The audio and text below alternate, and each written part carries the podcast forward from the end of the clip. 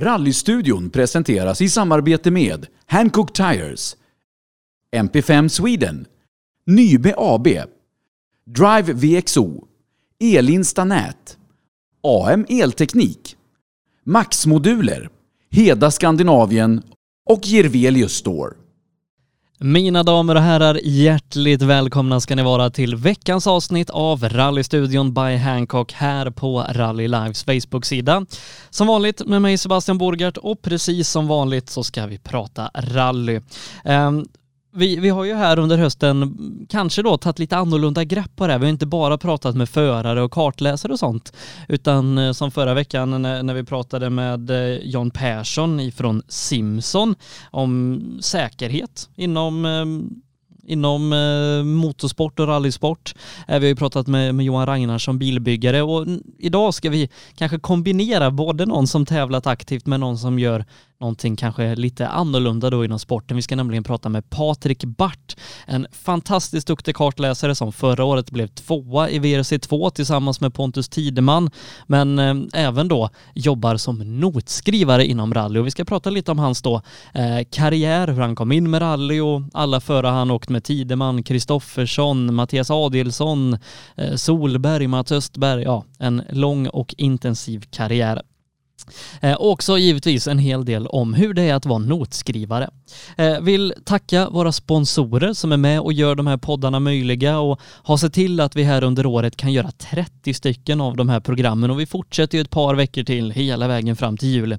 Eh, givetvis vår titelsponsor Hancock, men vi riktar också ett stort tack till Jirvelius Store, MP5 Sweden, Max Moduler, Nybe AB, Drive VXO, Elinstanät, AM Elteknik och Heda Skandinavien.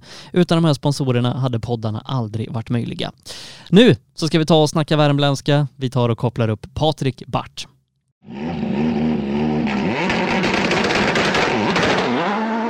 Då så ska vi säga stort välkommen till programmet Patrik Bart. Varmt välkommen! Tack så jättemycket, roligt att vara med. Du, hur är läget till att börja med?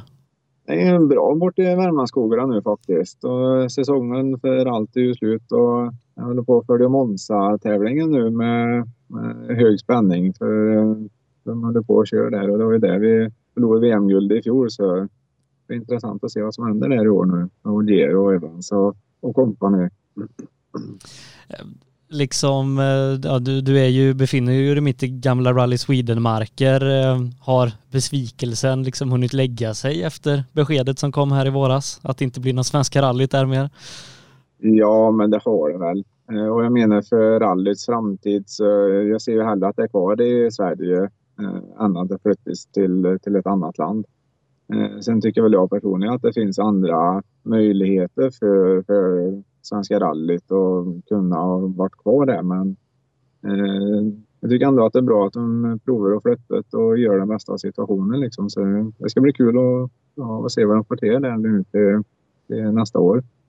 Jag, jag, var ju uppe här för ja, två veckor sedan eh, och, och tittade lite på vägar och sånt. Jag vet inte, skrev du noter när det var SM där uppe senast i Vännäs? Nej, nej jag gjorde inte det. Nej, nej. För, för jag tänkte, för det är många av de sträckorna som ska gå just i, i VM. Ja. Nej, så är det, som, det ska ju bli jäkligt tufft och liksom jag hoppas ju att, att det blir riktig eh, rallyvinter om man säger. Så att de får en bra förutsättning och sånt för, för att kunna genomföra en riktigt fin tävling som jag garanterar att det kommer att bli. Liksom. Så det ska bli kul att se. Tror du att du sitter på startlinjen i februari? Det är svårt att säga. Man ska väl aldrig säga aldrig. Jag har sagt att jag inte ska åka någon biltävling mer än en gång. Men eh, som det ser ut nu så just januari, februari vintersäsongen för min del. Om, eh, om pandemin håller hejd på sig så, så kommer jag ha så mycket jobb så att det finns inte möjlighet att få tiden att räcka till riktigt där. Så, eh, om det inte händer något alldeles speciellt så tror jag nog att jag eh, sitter där jag sitter. Eh, vi ska ju prata lite om vad, vad du gjort och gör inom eh, motorsporten. Eh, dels då så är du ju en väldigt duktig kartläsare med, med fina framgångar. Du skriver noter och driver företag inom bilsporten. Men, men jag tänker liksom att vi, vi vrider tillbaka. Hur, hur började motorintresset för Patrik Bart? det har alltid funnits ett motorintresse Alltså man bor ju där man bor och liksom det är ju väldigt, väldigt mycket motorer, vanliga personbilar och det är liksom allt möjligt. Eh, så mitt motorintresse började ju liksom när jag inte ens gå tänkte jag säga. Eh, så jag var alltid intresserad av att skruva saker och få reda på hur saker fungerar liksom just med motorer och lådbilen byggde en hel vagnpark när jag var liten liksom och eh, försökte få det att gå och allt sånt där. Och, så just intresse för motorer och bilar och eh, allt det här det kom ju väldigt fort liksom. Eh, och sen så det där har jag hållit i sig på ett eller annat sätt genom hela, eller hela livet liksom. Mm. Har du gjort det? Men, men heter man liksom Bart och vi vet ju liksom vad, vad Gunnar har gjort eh, med, med alla han åkt med Mats Jonsson, Rådström, eh, Stäcka och sånt där. Mm. Kommer rallyintresset lite naturligt i, i det då? Nej, faktiskt inte. Eh, och det är ju som du säger pappa, han, när jag växte upp, eh, för jag är född 92, det var då han var eh, riktigt på, på toppen om man säger. Och även höll på med arrangörsmotors och allt. Det var ju bara rally, rally, rally i, eller hela tiden liksom. När han väl var hemma. Fast jag, jag såg ju inte han. Det kunde ta en två, tre månader innan man såg karln någon gång. Eh, och jag var väl aldrig intresserad riktigt av eh, Eh, just rally liksom. Även om det var bilar och sånt där. Så intresse, eh, det dröjde nog ända tills jag började med rally innan det kom liksom. Eh, men sen så jag och Jimmy Valfridsson, det är ju sonen till Stig Olofs pappa, åkt väldigt mycket med. Vi har alltid, i och med att de har åkt med varandra, så har vi alltid liksom varit i garaget tillsammans och suttit i alla rallybilar och jag är kartläsare och Jimmy chaufför. Och, men som sagt, jag har aldrig haft intresse för att börja liksom med, med rally då. Så jag började faktiskt med motocross istället liksom och det var väl för att jag vill inte göra som, som pappa gör. så det blev motocross istället. Eh, gick det bra i motocrossen? Jo, men det har det gjort faktiskt. Eh, nu börjar det på att bli ett tag sedan eh, man höll på med. Men just när man var aktiv så det var ju liksom träning två, tre dagar i veckan och tävlingar i stort sett varje helg. Och, tanken var ju alltid att liksom fortsätta med det livet ut egentligen. Men sen så är det ju mycket skador och sånt som, har, som till slut satte stopp för att eller om man inte kunde åka cross längre. Men du måste varit ganska ung ändå när du tvingades sluta med crossen? Ja, det är väl än. ja, jo jo, jag var 17 var jag eh, när jag gav mig med den. Eh. Så det, men då har jag hållit på i vad blev lite drygt 10 år. Eh, så det var ju liksom merparten av livet som man har suttit på den där tvåhjulingen och, eh, och hållit på liksom och verkligen försökt att eh, tagit sig någonstans med liksom. Eh, så det var, det var en jäkla rolig tid men som sagt det var lite för mycket skada och den sista skadan satte verkligen stopp för liksom. Men det måste ändå liksom varit tufft som ung ambitiös crossförare och, och tvingas mm. lägga den hjälmen på hyllan som 17-åring. Ja, men verkligen. Just när man är liksom i den åldern, eh, just 17 år, man eh, går på gymnasiet och har väl hela livet framför sig egentligen. Eh, och får liksom alltihop det bara de drar mattan under fötterna och lite mer. Så det blir ju jäkligt tufft liksom. Eh, och samma, jag gick fordonslinjen i Torsby på gymnasiet och liksom mekaniker. I och med den sista skadan så var inte det ett alternativ att eh, stå och skruva på bilar hela dagar just när som då man satt i rullstol och, eh, och den här biten då. Och sen så mitt mål var ju att bli liksom världens bästa motocrossåkare. Mm. Och även den drömmen liksom allt man har jobbat i och med det har ju liksom det utbildat alltihop det. Eh, så det var ju liksom en stor, väldigt stor förändring som skedde i livet då liksom. Eh, och det var jäkligt jobbigt. Jag tror de som har varit med om liknande situationer vet vad, vad jobbigt det kan vara. Men liksom där och då kändes motorsport otroligt att, att fortsätta med eller var det då du började titta på andra möjligheter? Ja, gud ja. Jag vet jag låg i Uppsala för jag var ju Eh, eller ganska allvarligt skadad. Eh, och då var det väl ryggen som var eh, värst då. Så jag satt i rullstol ett bra tag och började på att fundera på vad fasen kan man göra i rullstol då som helst är livsfarligt om man får ut hur mycket adrenalin som helst. Så såg jag en som höll på i bakåtvolter och grejer och upp i ramper med rullstol och jag tänkte fasen det där kanske kan vara någonting. Men liksom, det måste vara någonting med mycket adrenalin i alla fall. Så, eh, nej, just där och då var det faktiskt svårt att eh, föreställa sig vad man kan göra inom eh, bilsport. Om man säger. Eh, och eftersom jag aldrig har varit intresserad på det sättet av just sporten eh, så föll sig ju inte eh, mina tankar på att jag skulle börja med rally eller någon form av bilsport just i början. Det kom ju mer av en slump lite senare sen. För det måste vara någonstans 10-11 år sedan som du och, och Jimmy Wolfridsson började åka så att... Ja, jag tror det är 10 år sedan. 2011, ja, ja det är fast 10 år sedan. Inte. Eh, tiden går fort när man har kul. Ja, eh, för, för liksom då måste du ha varit 19 någonting eh, där och då har det ändå gått en, en stund sedan olyckan. Så ja. hur, hur, hamnade du i, i hans rallybil? Vi satt väl och pratade, eller lite grann över en lunch egentligen.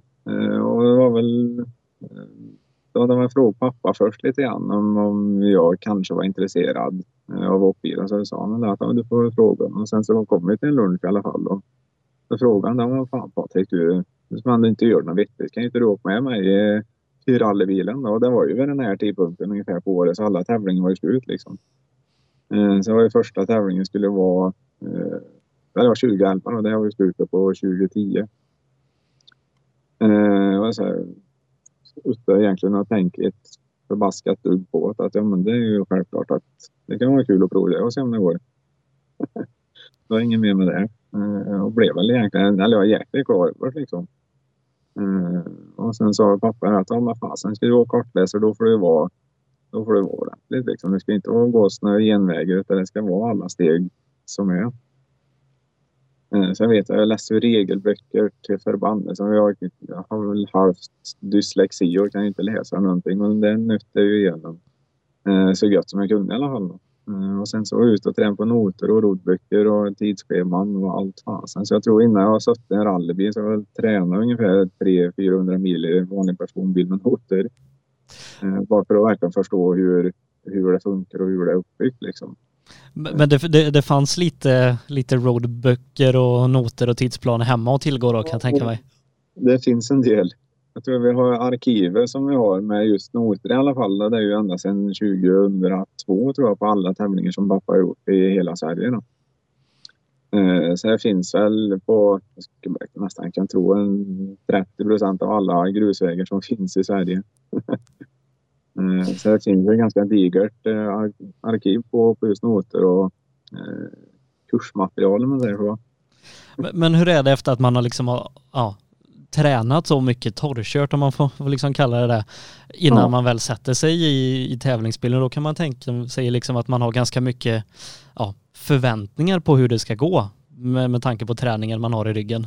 Ja, jag brukar säga det, för jag har även mycket kurser och sånt där. Jag brukar säga att eh, första tävlingen jag körde, jag tappade inte bort mig i noter eller någonting. Jag tyckte jag flöt på jäkligt bra, men jag vet inte om jag var på rätt streck och läste den, för jag fattade absolut ingenting oavsett liksom. Eh, men det är klart träning, träning är färdighet och eh, liksom det, det är samma där man ger sig själv möjligheter för att lyckas liksom. Eh, och just den träningen som var precis i början där med speciellt pappa då, han har ju eh, eller har bra koll på noter liksom och vet vad det är och hur, eh, hur man förklarar just vad det är för någonting och vad man ska tänka på eh, och allt sånt där. Så, så visst var det jäkligt nyttigt att få, få träna så mycket noter som man fick eh, innan. Liksom. Eh, men sen så blir det ju en väldigt stor skillnad att åka liksom, i, mellan 20 och 40 kilometer i timmen och liksom, eh, sitta och prata om noter eh, jämfört med att sätta sig i en rallybil och liksom tappar du bort den nu så drar vi förmodligen av vägen.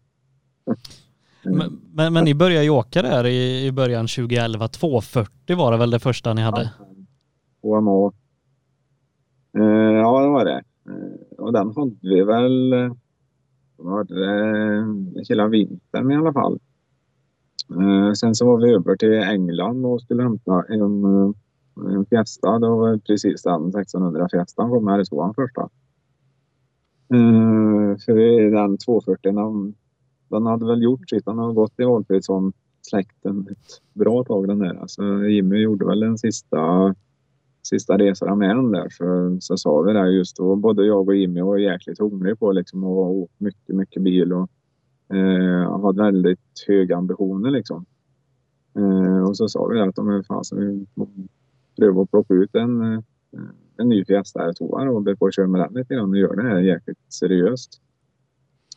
Men då gick det ju väldigt fort alltså innan det blev en ganska seriös satsning av det hela. Ja, ah, fasen ja. Första tävlingen jag åkte var ju Munkforsrundan. Eh, och det är ju en väldigt, väldigt, eller en vanlig tävling i Sverige liksom.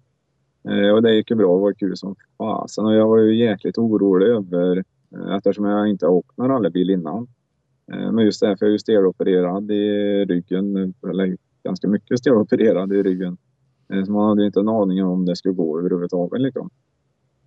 Eh, men det gick ju som sagt bra. Det var framförallt roligt som fasen och just för mig själv att kunna eh, ta allt man har tränat för inom motocrossen och förvandla det till att vara en kortläsare i högerskolan istället. Liksom. Eh, så mina mål som jag hade inom motocrossen, de, det, det blev en rallybil istället. Liksom. Och bygga vidare på det där. Ehm, så det, ja, det gick jäkligt fort. Och som sagt, Munkforsrundan var ju första tävlingen och det gick bra. Och sen så åkte vi Bergslagsrallyt. Ehm, och det gick väl också skapligt. Jag kommer inte ihåg så mycket av den tävlingen faktiskt. Ehm, och jag satt och funderade, vad fan vad ska jag åka nu för någonting då? Ja, men vi kan åka SM-delen i Svenska rallyt och det blir ju superkul. Så, så tredje tävlingen var ju liksom Svenska rallyt. Eh, dock SM-delen, men det är nog stort kliv ändå. Eh, så just i början gick det ju jäkligt fort faktiskt. Eh, det ska man inte sticka under stolen. Och egentligen hela karriären har ju fortsatt mer eller mindre på det viset också. Liksom att um, saker och ting händer väldigt fort. Men återigen så tror jag att det är för att liksom, man ger sig själv möjligheten uh, och sen så har sina egna mål, liksom, även som kartläsare. Eh, för att kunna genomföra sådana saker, liksom, verkligen kämpa för det eh, som kartläsare. Så jag tror väl att det är det som har gjort att man är där idag. Liksom. Men, men hur var det om vi tar oss tillbaka då tio år från att ja, knappt först ha varit intresserad av rally till att helt plötsligt åka, ja det blir väl nästan en full SM-säsong i en ny bil med liksom bra satsning och, och allt sånt här. Nej men det var ju jäkligt fränt. Det var ju som sagt efter eh, vintersäsongen där så det är en jäkla kul historia det där faktiskt. Eh, då var det som sagt var 19 någonting. Eh, så kom vi fram till att ja, men fasen, vi ska ju ha en sån Fiesta Fiesta-bil här så. Eh, och vi pratade om det och sen till slut blev det så att han, eller de beställde en ifrån M-sport, eh, England. Eh, och då hade jag sommarjobb på Helmer i Torsby eh, tillsammans med, eller Jimmy hade ju jobb där. Eh, och sen var det väl även en mekaniker som var med och var, eller arbetade också på Helmia. Eh, så jag sa, fasen kan inte alla vi tre åka ner och hämta den här bilen då? Eh, så vi tömde halva företaget på folk för att åka ner och hämta en rallybil. Det var lite roligt. Eh, och det var väl lite krångel men jag vet, eh, jag skulle ha ett pass, eh, eller passet, eh, för att ta sig in i England. Eh, skulle ha. Så det var ju att beställa ett nytt ett. Och sen så dagarna gick och det där passet inte kom. Eh, så ringde jag till eh, polisen som var där. Och så, ja men det där passet, kommer det snart eller? Ja men det, Ja, det hinner nog inte komma innan ni åker, men du kan ju få ditt passnummer och liksom allt sånt där. Och då, då kommer du in vart du vill. Det är ingen fara. Och det trodde jag på. Vi drog en över och skulle vi åka med båten ifrån Holland till England. Eh, och på, eller när vi ska åka på båten där så alltså, var pass måste jag ha. Har det ingen med passnummer? Nej, det går inte. Du får, du får inte bli med. Vad fasen. Vi kan bli kvar i Holland i två dagar istället. Helt själv första gången i stort sett man är utomlands. det var trevligt. Ja, men, men det blev en, en Fiesta R2 som ni åkte med resten av den säsongen och eh, ni, ni fortsatte ju åka 2012 också. Då körde ni väl också VM-delen i Svenska rallyt? Ja, det gjorde vi det. Var ju första VM-tävlingen jag körde och jag menar det är i år efter eh, man började med rally liksom. Så det, det var ju ett väldigt stort steg för mig att ta liksom. Eh, men det var ju samtidigt ett steg som jag vill ta också. Jag vet det, ska man bli eller liksom väldigt bra och liksom kör på den nivån man vill. Eh, för jag lägger ju alltid nivån så högt det går. Eh, så är det ju liksom, det är bara att dra sådana plåster när man får möjligheten och chansen att göra det liksom. Eh, så det var första VMet jag åkte, var 2012. Och då, vet jag fasen, jag tror vi var tre stycken i klassen. Jag har för mig att Frank Tore Larsson vann. Nu var vi två och sen så var det Steve Rökland var med också. Man fick väl byta han. Mm. Så det, nej, det var som sagt det året var ett jäkla roligt år. Och det var ju som sagt, det var full, i stort sett full SM-säsong då också tror jag. Ja, jag, om, om jag räknar rätt eller det som, som finns så att säga så åkte ni 12 tävlingar det året. Ja, det är, det är lagom. Och det, det, är ganska mycket med tanke på att eh, vi liksom den här, det är ganska många veckor som går bort. Eh, november, december och även kanske mars, april när vi inte tävlar i Sverige. Ja, och sen så när bilen är Jag vet, jag tror att den var, var det innan Svenska rally så gick väl SM i Uppsala. Det var ja. på vinter, vintertävlingen där. Eh, och jag för mig att vi rullade väl ganska ordentligt på den tävlingen. Eh, och det här var ju liksom ett par veckor innan starten på Svenska rallyt och egentligen skulle vi köra den SM-tävlingen som eh, shakedown-test om man säger. Mm. Eh, och orkade skrot bilen där på någon av sträckorna. Jag vet inte om det inte var tre veckor innan svenska. Var det? Nej, det är faktiskt ännu mindre. Det är mindre ändå? Ja. Två kanske? Ja. ja. Tak och det var liksom, ja, han var ju rundslägen som bara busen och det var, nej, han var ingen fin alls. Eh, så det har varit ett jäkla meck och liksom det var ju bara vi mekaniker. Det var jag och Jimmy och eh, tre mekaniker som eh, eller, fick i ordning den här bilen på absolut ingen tid alls egentligen. Så det var ju en dag och natt inför för den tävlingen. Då. Eh, så det var en jäkla speciell känsla just kom till start på, på Svenska rallyt här första gången. Och vet att man har jobb, livet ur sig inför liksom. Eh, Dock så skulle jag kanske arbeta mer på tävlingen istället för på bilen. Men eh, vi kom till start i alla fall. Så det var, nej, det var, det var verkligen... Eh, drömmen kom fort och den förverkligades jäkligt fort också. Liksom. Så det var, nej, just perioden med Jimmy där, det var en, det var en jäkla rolig tid. Liksom. Det, eh, det skulle vara roligt om den kom tillbaka på den nivån. Liksom, att eh, man bara kan gå ut och ha roligt liksom, och, och vara ett kompisgäng. Liksom. Det var jäkla roligt. Men, men, i slutet av det året så började du väl åka lite med Mattias Olsson också? Ja, precis. Från Kil ja.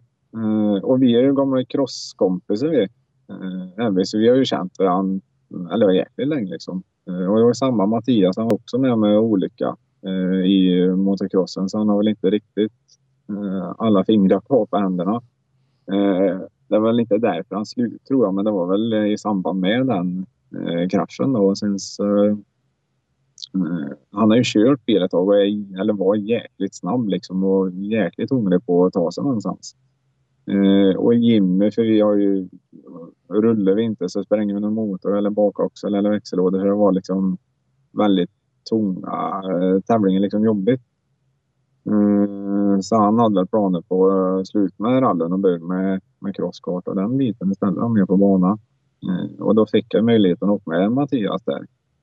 Eh, och det var väl i slutet på 2012 måste det ha varit då. Ja, i, eh. i en Volvo då. Sen, sen tog väl han över Fiesta R2an? Jajamän, så jag var med från den Fiestan föddes där han tog sopslut ordentligt. eh, jo, det var faktiskt så att han sålde bilen, Jimmy sålde bilen till Mattias där ja. Eh, och eftersom Jimmy skulle sluta med rallyn, eh, eller på den nivån i alla fall då. Eh, och så sa, han, eller sa vi väl att jag kan ju bli med bilen ja då. Och få ihop en bra satsning med, med Mattias. Så, och det är också jäkligt... Han har en jäkla bra chaufför Mattias och är fortfarande. Han är en jävla trevlig pojk. Ja hade ju några EM, VM-tävlingar och sådär lite senare och provade ja. lyckan där ute. Ja, verkligen. Han gav verkligen en ärlig chans liksom på, att verkligen uh, göra någonting med det. Uh, och tyvärr så gick väl inte det som man hade tänkt och att det blev väl lite för dyrt i slutändan för att fortsätta med. Liksom. Och det, det är väl det problemet som alla till slut stöter på, att det, det, liksom, det blir för dyrt.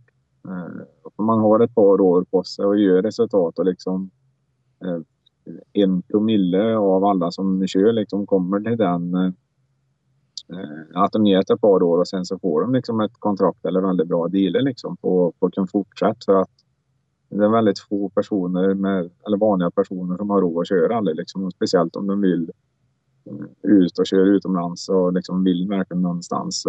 Det är fruktansvärt fruktansvärt tufft att göra liksom, på, mm. på en budget man själv ska dra ihop.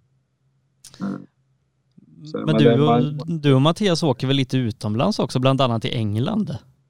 Ja, det gör jag. Och då hade du pass kanske? Då hade jag pass, ja. ja var det. Jag sa det i 2012, jag tror fan jag åkte inte några i slutet på 2012, då var det i Tyskland och Danmark? Ja, Eh, och där fick jag verkligen upp ögonen för, eh, för rallyåkning liksom. Eh, åka i Sverige det är en sak och det är jäkligt, jäkla kul att göra det. Eh, och även om det här var väldigt, väldigt tidigt i karriären så hade jag ändå mål att eh, jag kanske vill eh, satsa mer utomlands och liksom vara eh, mer på internationellt plan eh, än att åka SM och eh, liksom det här och göra det hela tiden. Eh, så då åkte vi ner i Tyskland Eh, och det är liksom det fan som kommer till ett nytt land och det är ett nytt språk och allt sånt där. Och liksom jag var ju allt utom världsvan i alla fall. Mm, när man började med det där. Eh, och lite grann i Danmark och liksom det var samma med båda asfaltstävlingar och det är liksom det är jäkligt tufft. Även om det är en Volvo original så liksom, nej fasen vad tufft det är. Eh, så året därpå så liksom då, det var väl det året egentligen som eh, jag satte upp väldigt, eller eh, liksom mål för mig själv att så här och så här och här ska jag göra och uh, hit och hit ska jag. Uh, och det här vill jag uppnå inom tre år liksom. Uh, och ha en väldigt klar plan på vad man själv vill. och sen se hur man ska liksom, eller nå dit liksom. så ett av dem var ju liksom att få blev på åka utomlands liksom utvalda tävlingar med eh, eller någon chaufför. Vem det var var inte egentligen så noga heller. Eh, nu fick jag möjligheten att åka med eh, riktigt skarpa chaufförer liksom så det var ju nej, det var riktigt kul faktiskt. Eh, och sen så just den tävlingen i England, vet jag var, det var problem med databoxen i bilen där så han gick ju ingenting. Alltså just tävlingen i sig var väl inte de sträckorna som bilen fungerade på var vi ju med i toppen liksom. Men sen så var det mest strul och trubbel. Eh, men det var en jäkligt bra lärdom liksom att få åka över dit och se hur den går till liksom. Men en annan grej jag liksom kan tänka mig är, ja, i alla fall på en bucketlist, är att få totalvinna en tävling med Mats Jonsson. Det är fränt. det måste vara 2013 ni, ni vinner eh, Rally Karlstad i hans eskort-VRC. Ja. Var det i Karlstad? Eller 2013, ja det kanske var det. Ja. Ja, det stämmer nog det. Ja, för det var väl... Och det är ju som sagt att jag, jag har alltid haft mina mål jäkligt klart för mig och med hjälp av väldigt bra folk runt omkring mig och med hjälp av pappas kontakter och lite grann sådär. Alltså, de måste ha varit 20... Eh, 13 ja. Eh, då fick jag väl åka med, jag vet jag åkte med Jerker också, som på något test och grejer i VRCs, nej Mitsubishi hade han då, den Grupp A-bilen. Mm. Eh, och liksom fick känna på fyrhjulsdrivet ordentligt liksom och sådär. Och sen så var det ju, eh, vad 2013, Rally Karlstad som eh, då hade pappa sagt det till Mats för de är ju bra vänner liksom. Mm. Att vad fasen kan ju inte du ta med, du finner ju runt överallt här ändå. Kan inte du ta med pojken just när han får känna och åka lite riktig bil med riktig chaufför. Mm. Så det åkte vi den tävlingen. Eh, och jag vet att just första känslan med, med Mats var när vi var ute på transporter och körde och sånt där. För annars det kvittar ju i stort sett om jag åker med Jimmy i Finnskogshalsen i Torsby liksom, som är verkligen hemmaplan. Eh, så får man ju alltid vara med. Ja, men nu ska vi in höger här och nu ska du dit och dit och eh, just på transporter och sånt. Då.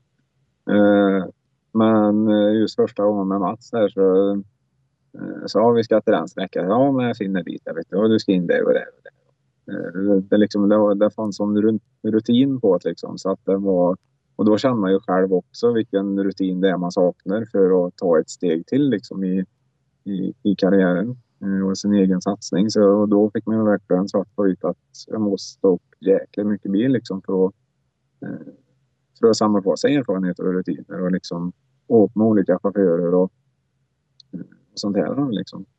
Så det var en jäkligt nyttig tävling och sen så står som totalvinnare med Mats Jonsson. Det, det var ju superfränt liksom. Det, ja, riktigt tufft var det.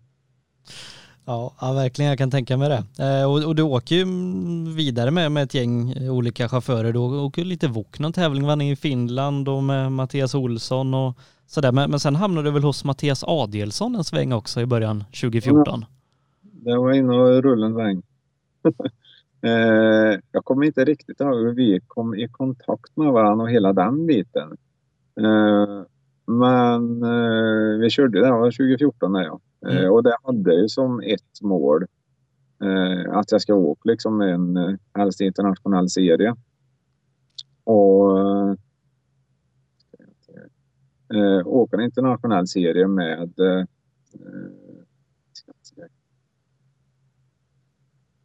eh, och se hur det blir med det. Papphammar in och vände här så jag var tvungen att säga åt honom. Ja, så kan det vara. Tid och otid.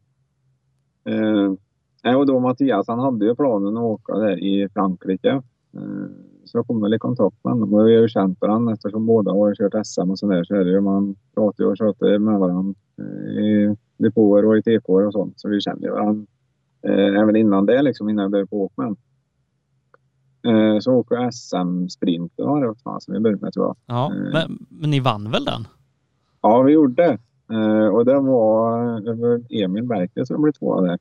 Ja. Uh, och det var första kval. Första kvalet gick väl skapligt och andra kvalet så drog vi av eller ja, ut i skogen i alla fall. Så jag slet dörrsidan av bilen och blev väl brunnslejen ordentligt den också. Uh, men fick väl ihop alltihop där uh, och in i finalen och, och vinner liksom. Det var jäkligt tufft första tävlingen med honom. Och, Eh, man blir ju svensk mästare direkt liksom. Det var, mm. det var jättetufft. Men var det? Och sen så andra tävlingen måste ha varit svenska. Precis. Eh, och Svenska rallyt det och det kände man ju liksom att eh, er, det går inte bara att elda på en person hela tiden liksom utan att det inte händer någonting. Eh, men jag vet vi gjorde sträcktider som är helt sinnessjuka på eh, på, på den tävlingen liksom. Eh, och jag vet vi slog ju Pontus, jag för han upp en VRC-bil då det året. Jag vet vi tog ju honom ja. på några sträckor och eh, i en R2-bil. Eh, så att det var, det var sånt riktigt sjukt tempo på den tävlingen och det, jag brukar tänka på det än idag att det, fasen, det är bra att åka där. Men det slutade en snödriv och tyvärr, får man väl säga. Eh, men det gick jäkligt bra fram till dess och liksom vi fick visa sig ordentligt tempo. Vad man verkligen kan prestera Mattias när han vill. Mm. Men som sagt, vi kommer inte ända in i mål. Så det var en bra lärdom. Riktigt bra lärdom. Men du var med en liten sväng i Frankrike också? Ja, jag var med i en tävling där. Uh, var jag i Frankrike. Det var där ja. Uh, då, det var också jäkligt speciellt för alltihop står på franska. Eh, och jag kan ju knappt svenska liksom, en värmlänning. eh, och eh, åkt dit och all inbjudan och alltihop står ju bara på franska och inte en person kan ju engelska. Så liksom, det var ju omöjligt i stort sett att ta reda på information och få information under tävlingens gång. Liksom. Eh, och jag vet först i början så var det mycket med reken. Sen vad ah, fan är det? Det står ju liksom inget om det. Jag förstår absolut inte ett smack av det. Eh, men då var det reken skulle vi göra i rallybilen. Eh, och vi fick ut rådboken i stort sett på morgonen liksom innan vi skulle köra reken. Eh, och jag för att det var väl bara ett varv vi fick reka sträckare också. Liksom. Så det var jäkligt speciellt. Eh, inte bara ett nytt land och liksom allt det här, men liksom det var helt nytt upplägg på, på tävling överlag. Liksom. så det blev en jäkligt speciell tävling. Eh, men vi tog oss väl i mål där också. Ja. Eh, och planen var ju att, att vara med och slåss liksom. Men både jag och Mattias var väl alldeles för oerfaren liksom för att kunna eh, göra någonting åt saken eh, mer eller mindre. Uh, och sen så är det ju, de kör så satans fort där så uh, det är inte bara, bara att åka till andra länder och tro att eh, bara för man åker fort i Sverige och sånt där att man ska eh, hänga med i toppen direkt liksom. Utan det, eh, man får verkligen lägga ner sig på det eh, för att det ska gå vägen. och vi gjorde vad vi kunde liksom men jag tror våras erfarenheter tog väl stopp just det liksom. Eh, och det var väl även sista tävlingen vi åkte med varandra också tror jag. Ja, jo men det, det verkar så här också ja. Eh, för, för sen åker du lite med Niklas Karlsson och Per Nordahl, Mitsubishi och Wok innan du väl till slut hamnar hos Pontus Tideman i, i, som föråkare i Norge i en tävling. Ja, Auskog det var. Vi ja. vann i VSN.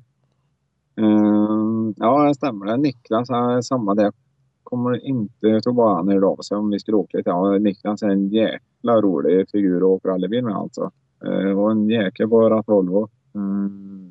Och eh, Per Nordahl, det är ju världsmästaren från Flensborg. Eh, jag vet det var en tävling, men det var nog senare, 2015 han ringde. Eh, så vet jag, jag åkte med Per fram och tillbaka och liksom, vi kände varandra jäkligt väl. Eh, men just att gå ifrån Eh, sen Volvo original till VRC-bilar och sånt där och fram och tillbaka. Så, eh, nej, det är jäkligt tufft faktiskt. Eh, och just få möjligheten att åka med alla olika slag liksom. Och både bilar och chaufförer och eh, olika klasser och allt sånt där liksom. Så det, det året var ett jäkla givande år. Eh, och sen speciellt att få börja åka med Pontus också. Det var väl 2013 han blev världsmästare Ja, då vann han junior-VM så 14 så hade han väl vunnit lite typ R5-starter. Eh, och jag menar för att sätta sig tillsammans med honom, liksom, då var han ju en idol eh, för en själv. Liksom, en som man ser upp till och gör man ju än idag. Liksom. Men, eh, och har väldigt stor respekt för. att få en sån möjlighet fortfarande jäkligt tidigt i karriären. Liksom. Det var riktigt, riktigt upp. Och det var ju det som jag kände liksom, att allt man har arbetat för och de målen man har satt upp för sig själv. Att man liksom har tagit ett par steg närmare de målen har. Liksom. Så det, nej, det är riktigt tufft att åka med Pontus där. Och sen så är en sån ju...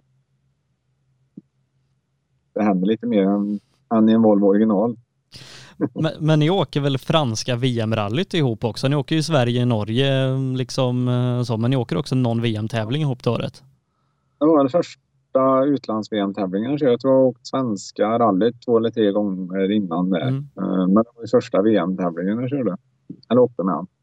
Uh, men det var Alans gick det väl i då, inte på Korsika. Ja, precis. Det gick eh, på fastlandet. Ja. Och det var ju liksom, då tänkte man okej, okay, men nu, nu är det bara att slå, slå på stora trumman för liksom det, förhoppningsvis sitter man Eh, i en sån sits jag vill till 2015 sen då. Eh, på att göra det jag verkligen vill, eh, vill göra med karriären och med min tid. Och körde den tävlingen. Och det var ju för M-sport och liksom M-sport har man bara sett på tvn förut liksom att det är för en som finns i stort sett. Man får vara med och köra för liksom verkligen M-sport i en R5-bil och ett VM utomlands. Det är asfalt men juniorvärldsmästare liksom. Det var, det var obeskrivligt fränt faktiskt. Eh, och gick ju jäkligt bra ända till vi rullade. eh, så jag tror jag var det första eller andra dagen. Eh, så kom en lång, lång vänster som nöp flera gånger liksom och så stod det sergeanter i vägen. Eh, och vi startade som första R5-bilen. Har jag för mig att vi gjorde i alla fall. Uh, och sen precis när svängen nöp den sista gången så hade de ju alla WC-bilar på en sån sergeant och fått ut den i vägen på ett eller annat sätt. Eh, och vi körde upp på den och det var precis att jag lyfte bilen lite grann och sen så ut den en slänt och rullade ner massa taggbuskar och grejer. Så det låg ju inget bra. Eh, och sen startade vi om den tävlingen och var med i topptider eh, i stort sett hela tiden. Liksom. Så det, mm. nej, det var fasen vad frän tävling då. Eh, men med samma det, man känner ju just med erfarenheten och eh, speciellt när det blir ett VM Eh, för liksom du åker på eh, lördag, kanske söndag eh, innan tävlingen. Anmälan måndag, rek tisdag, onsdag, kanske torsdag om inte annat är huvudstart på torsdag, shakedown. Sen kör du verkligen dag som natt, fredag, lördag, söndag. Och jag menar att gå ifrån åkt ja, någon tävling i Sverige, liksom typ Killingen eller något sånt där, där du åker på morgonen, åker på sträckor åker hem och liksom är, det går ganska enkelt i jämförelse med liksom att, eh, att få upp en sån VM-tävling liksom. Eh, det är så stor skillnad på uh, Men vi tog oss ju runt det till slut och liksom det kändes jäkligt bra. För mig är det verkligen en sån där eh, peppningstävling verkligen för att jag vill göra alltihop mycket bättre och fick väldigt mycket lärdomar Eh, erfarenhet av både R5-bil, fyrhjulsdrivet och eh, hur det är att köra. Mm, eller vara kartläsare på hög nivå liksom. Men, men ni fortsätter samarbetet sen eh, av vintern i alla fall, början av vintern 2015? Ja, gjorde vi det. Och tanken var, för vi tränade liksom med varandra med noter och allt sånt där och det gjorde vi ju eller hela vintern. Och tanken var ju att jag skulle åka med en 2015, det var ju det vi har pratat om liksom.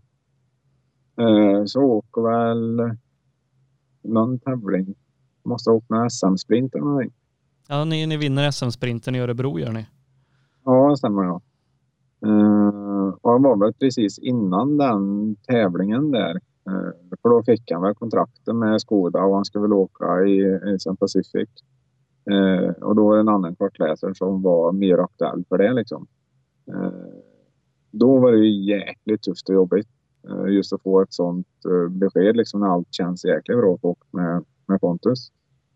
Uh, men nu liksom jag skulle bli förvånad eh, om man blir tillbaks tiden och sett om de gör någon skillnad. För det skulle troligtvis de inte göra. De har ingen befogenhet att göra någon skillnad på det heller. liksom. Eh, så var det ju jäkla rätt beslut som togs. Och det var ju en jäkla viktig, eh, viktigt år för Pontus i, i, i karriären liksom. Eh, så på, jag brukar säga att allting har en betydelse och det fick en väldigt klar betydelse man med facit i hand liksom på vad som har hänt sedan dess. Men, men då hamnade du en sväng hos Johan Kristoffersson istället? Precis, banåkaren. Eh, så vi började väl där och det var väl för han kunde precis börja med rally då. Eh, och Pontus han var ju med i Even Management. Och Johan hade väl om man var med där eller om man bra stöttning från Erik då maybe. Och jag var ju också inblandad i även management med eh, diverse saker. Och då sa de att ja, fasen Patrik, du kommer inte få åka med Pontus men pröva åka så mycket det går liksom så ska vi vara med och hjälpa på vägen. Eh, så första grejen var ju att åka med, med Johan då. Eh, just att han får kämpa och åka lite rallybil och sånt där. Och det var ju också liksom Johan är, han är en bra pojk. Jag tänkte ja. säga, alltså det är ju odiskutabelt, han är ju en av världens bästa tävlingschaufförer. Märktes ja. det? Ja, det gör det. Eh, och ju mer man arbetar med en, ju mer inser man att det är inte bilar och det är inte liksom det här som gör det, utan att det är... Eh, det är klart, man måste ha en bra bil för att kunna prestera liksom, en bil som håller och eh, allt sånt där. Men Eh, alla de steg som Johan gör för att nå dit han eh, han har kommit och dit han är. Eh, det är liksom, han ska vara där. Allt annat är uteslutet liksom och han ger sig verkligen förutsättningar för att vara världens bästa chaufför. Eh, och, och det märks i allt han gör. det spelar ingen roll om vi äter mat eller om vi ska bara gå till bilen. Bara hur går jag till bilen på absolut bästa, effektivaste sätt? Eh, och liksom han tänker på precis alltihop. Eh, så att Johan är väl den person som jag var åt som jag har lärt mig absolut mest av. Eh, och liksom tänkt verkligen i andra banor om man säger, verkligen outside the box. Eh, han liksom, han gör saker verkligen på sitt sätt och väldigt, eh, eller väldigt bra saker. Eh, och det har han ju även visat i resultatlistor sen också att Eh, det gör skillnad eh, om man gör en skillnad. Eh, vilket är jäkligt tufft att vara med om. Men, men sen, ja det var ju en tävling du åkte med, med Johan 2015 då, men, men sen började du ju åka en hel del med, med Pontus Åhman och Steve Rökland och då blir det ju väldigt mycket internationellt. Både Adam-cupen och EM är det väl bitvis som Rökland kör? Ja, det är EM man kör det året. Eh, och Pontus, och det var ju liksom det att eh, Eh, man har ju sin version klar och eh, jag hade tänkt det från början att jag skulle åka med Pontus. Eh, och vi, eh, jag visste ju vad han skulle åka det året liksom så eh, det med jobb och allt sånt där. Jag har aldrig haft ett jobb jag tänkte att eh, Men liksom det, det har inte varit planen att liksom söka sig ett vanligt jobb 7 till 4 liksom. Jag, jag skulle bara gå med, med rally och motorsport. Eh, och liksom dels det Eh, när beslutet med Pontus kom att vi inte ska åka med han. Eh, så vad, vad fasen ska jag göra nu år? Och liksom jag vill inte eh, ge upp mina drömmar om år som jag har. Eh, utan då är det bara att kämpa vidare och se vad man kan göra istället istället liksom, och vilka möjligheter det finns med andra chaufförer. Och den biten då. Så satt jag väl som vanligt och kollade i lite startlistor och se vilka som har tänkt åka utomlands och Eh, se vilka möjligheter som finns för att bli med där. Eh, då kom ju både Pontus Åhman upp och, eh, och Steve. Då. Sen var det bara att axla relationen med dem och se vilka möjligheter som man kan få där. Så med Pontus åkte tyska mästerskapet. Och det ingick ju även VM i Tyskland som en del i, i mästerskapet. Mm. Eh, man ännu mer liksom så här... Ja, eh, fasen, det är VM, VM jag vill åka alltså för det, det är något speciellt med att åka där och inte bara för statusens skull utan även för eh, själva genomförandet av tävlingen man säger. Eh, och just hur det går till och liksom det eh, det är väldigt bra och skönt att åka VM. Är det det. Eh, sen fick jag även möjligheten att åka med Steve eh, i EM. Så det året var ju det året som det liksom började på att bli mycket tävlingar och mycket utomlands. Eh, och även så var ju med Ole Christian Weiby ut på eller VM och sånt där när han kör tester och med hjälp av Even Management. Då. Och vara med ute och liksom, hur det går till mer på VM och liksom få ännu mer erfarenhet i team och så. Eh, sen var det ju ett år där liksom saker och ting började på. Även om det inte blev med Pontus så tror jag att jag har fått mer erfarenhet om man ser just det året. Eh, och nyttigare erfarenhet framför allt. Eh, än om jag skulle åkt eller fortsatt med Pontus liksom. För kommer vi fram till 2016 så, så startade vi över 20 tävlingar och bara tre av dem hittar jag på pappret är i Sverige. Ja. Och, och en är Svenska rallyt. Ja, ja precis. Nej, och det var ju, det är ju som sagt, det är ju, då är det ju tredje året, året ifrån det som jag har satt mina mål alltihop. Uh, och eh, ser man på papper så lyckas jag ju med precis det som jag liksom har velat uppnå. Eh, så då, jag fortsatte väl med Steve där och planen var ju att vi skulle åka EM 2016. Uh, och den planen gick väl bra ända till, vad fan var det? Första tävlingen i Irland tror jag var. Eh, skrotade vi bilen eh, och när man kör på en väldigt stram budget så eh, liksom det, en skrotad bil, det finns inte utrymme för det i, eh, ekonomiskt om man säger. Eh, och då var jag åter på ruta ett liksom, ah, vad fasen, vad ska jag göra nu då? För nu är ju verkligen mitt min plan för 2016 var ju att åka en full säsong i EM liksom. Men nu efter en tävling så var ju den i stort sett borta liksom. Eh, sen började jag få koll, koll runt lite grann på olika startlistor och sånt där och se att Oskar Solberg eh, anmält till Portugal eh, utan kartläsare. Eh, Oskar är halvbrorsan med eh, Pontus. Eh, så genom Pontus så känner jag ju Oskar ganska, eh, inte väl då, men man, man känner ju till liksom, har pratat med någon. där. Eh, så jag tänkte jag ringer till Oskar och frågar liksom, hur han bara pratar skit med honom egentligen och ser vad, vad han har tänkt sig om kortläsare och sånt där. Uh, och han sa det här var ju två veckor innan tävling tror jag var. Eh, och ringer och hör mig. Bara fan, ska jag sett att du ska åka till Portugal nu? Ja, det ska jag göra. Och kortläsare. Ja, det har jag ingen. Steve har skrotbilen nu i alla fall så jag har ingen att åka med som om det är intressant i alla fall så kan jag åka med. Ja, men det, det kan du göra. Sen är det löst med kartläsare och inga problem med någonting.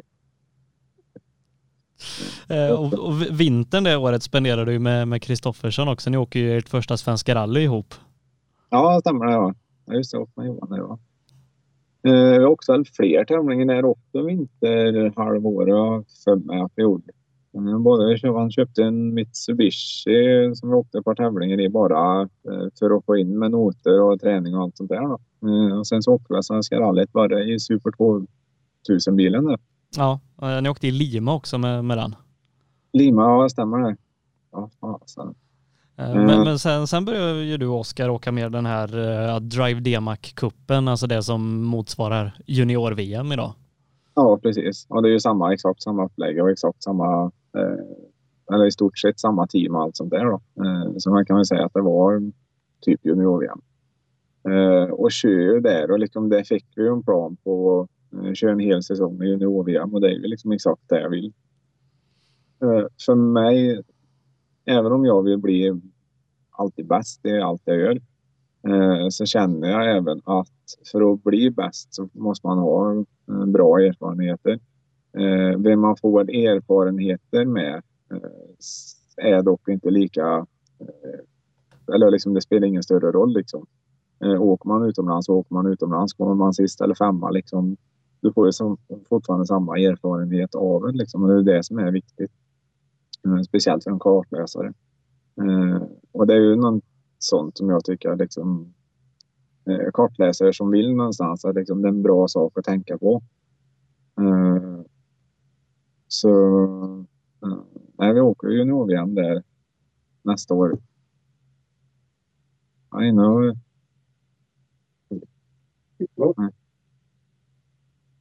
Mm. Nej. Men just erfarenhetsmässigt det året var riktigt bra liksom. Eh, ja, för som sagt, ni, ni åker den här Dema-cupen och uh, åker också SM-finalen Rally Uppsala i en Subaru. ja, jag gjorde det. Har också då efter just att ha varit ute och gjort det där i, eh, hela världen, eller ja, Europa i alla fall. Eh, och bara varit utomlands i stort sett hela året liksom, så var det faktiskt jäkligt eh, kul eh, att komma tillbaka till Sverige liksom och få eh, komma tillbaka till, eller grunda alltså SM. Det är SM. Det är riktigt tufft att åka SM. Eh, men liksom eh, jämför SM med SM eller EM så det blir mer eh, mänskligt att åka en SM-tävling liksom. Eh, och jag kommer ihåg känslan just att få åka SM och liksom stå och prata svenska i TK-köer och liksom allt sånt där med, eh, med vanligt folk. det var jäkligt roligt. Nej, så Sverige, men det är som sagt, jag åkte inte mycket i Sverige det året. Nej, eh, och, och än mindre blev det väl 2017 när ni åker brittiska mästerskapet också i en, i en Fiesta? Ja, eh, värt att tillägga nästan. Är ju, eh, säg som 2016, det var ju så jäkla mycket utlandstävlingar. Och sen så är jag och pappa, för pappa är ju även notskrivare. Så när jag inte var utomlands och tävlade så var jag hem, bytt väska, var med pappa ute och skrev eller ja, liksom lärde sig även hur arrangörsmötedelen fungerar. Eh, så 2016 har jag åkt första januari någon gång där så var det ju det som alltid brukar vara till Sveg. Mm. Eh, träningslägret. Eh, efter det så kom jag hem 13 november och i stort sett bara var hem på sin höjd och bytt väskor däremellan. Eh, så liksom åkte med och blev tre, tre fyra olika chaufförer under året, olika serier, EM, EM i Tyskland och liksom allt sånt där. Eh, så började kroppen på liksom att nej, men nu får du nog lugna lite grann här Patrik och välja en chaufför att åka med i alla fall. Eh, och sen så till 2017 så fick jag ta över allt notskrivande eh, i Sverige. Eh, så då skulle jag aldrig funka på liksom, eh, alla de erbjudanden man hade och både VM, EM SM och NM och allt sånt där. Eh, så då försökte jag i alla fall att höjde mig lite grann och bara höll mig till engångschaufför under 2017 och då var... Ja, då blev, blev Oskar. Eh, Oskar, eh, det finns så mycket. Jag skulle kunna skriva en bok om varje dag jag har varit med den pojken för det händer så mycket saker så det är helt otroligt. Eh, och han är absolut världens snällaste person. Det, han är riktigt rå den pojken och en jäkel på att köra rallybil eh, med de förutsättningar han ger sig själv. Eh, det var som när vi åkte första tävlingen där i Portugal tillsammans, VM. Eh, när vi kom till tävlingen så han hade inte aning om vilken bil det var vi skulle köra i en gång. Eh, eller hur han såg ut, eller om han var bak eller framhjulsdriven eller fyrhjulsdriven ungefär. Eh, så det, och just utvecklingskurvan på Oskar är helt rå faktiskt. Han är jäkel på att bil. Eh, när han väl vill. Eh, så de följde sig på med, med Oskar under 2017. Eh, samtidigt som, eller jag gör alla andra saker också. Liksom. Och det är tidsmässigt så är det inte en chans i världen att man hinner mer än vad jag gjorde 2017 för då är jag heller inte hemma i stort sett en sekund under hela året. Men ni, ni blir ju trea då i brittiska juniormästerskapet 2017 men du hinner också åka en EM-tävling med Mats Östberg som då eh, höll på att prova olika kartläsare. Ja, det stämmer det. Uh, ja, jag åkte i Polen ja. Eh, och så jag var även med till Finland eh, och fick åka eh, eller VRC-bilen där och lite grejer också då som test. Så var det på ett par dagar test och sånt där. Eh, och även med och arbeta med lite grann där. Eh, och sen så var det ju Polen som var eh, våran testtävling då. Och då vet jag för Mans han hade ju haft en jag tror VM i Polen först och sen så direkt till, med Ola var det väl som åkte med. Eh, och sen så åkte han VM i Finland med en annan kartläsare. Eh, och sen så helgen efter var det EM i Polen med mig då. Eh, och liksom för jag och man, vi har ju inte varit ute och rekt en sträcka en gång mer än på test i Finland liksom och sånt där. Så att, eh, just det där med att ge sig själv förutsättningar, det fanns inte riktigt där. Jag fick ta ett eget flyg till Polen och finna alltihop själv och sen så träffades vi i stort sett på reken och ut och kör liksom. Uh, och där hade vi ju problem med servostyrningen på bilen. Mm. Mm. Som gjorde att vi bröt tävlingen för att det blev i stort sett direkt livsfarligt att köra. Det första gången det skedde just det här med servon. Uh, kom vi ut ett vägskäl Eh, Eh, vänster och sen så fortsätter det. var fyra kilometer som jag går på varvstoppen i stort sett. Eh, och så kommer vi in. Det är bara en vanlig snabb kort högersväng. Liksom man ska i, eller bara styra in bilen och precis när han styr in så slutar kärran att fungera. Eh, och är 100 snudd på 90 kilometer med asfaltdäck på, asfalt och servon slutar funka. Då går det rakt fram. Så det var ju inte långt ifrån ta Polens absolut största trä liksom i fronten 190 blås. Eh, så jag sa, nej fasen inte värt att eh, och liksom fortsätta. Eh, utan det, då är det bättre att bryta och se hur man kan eller fortsätta i framtiden istället. Liksom. Och sen så efter det så var det väl bestämt för Mats med kortläsare och sånt. Men då fick jag möjligheten att vara med och arbeta med en på, som gravel på, på alla asfaltstävlingar.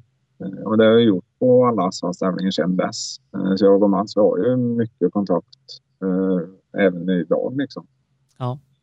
Och jag var ju med i både Kroatien i år och, och Spanien och sånt där som gravel på. Så de arbetar ju tätt med liksom. Och det, det är ett jäkligt roligt jobb. Ett jobb som passar mig fruktansvärt bra liksom.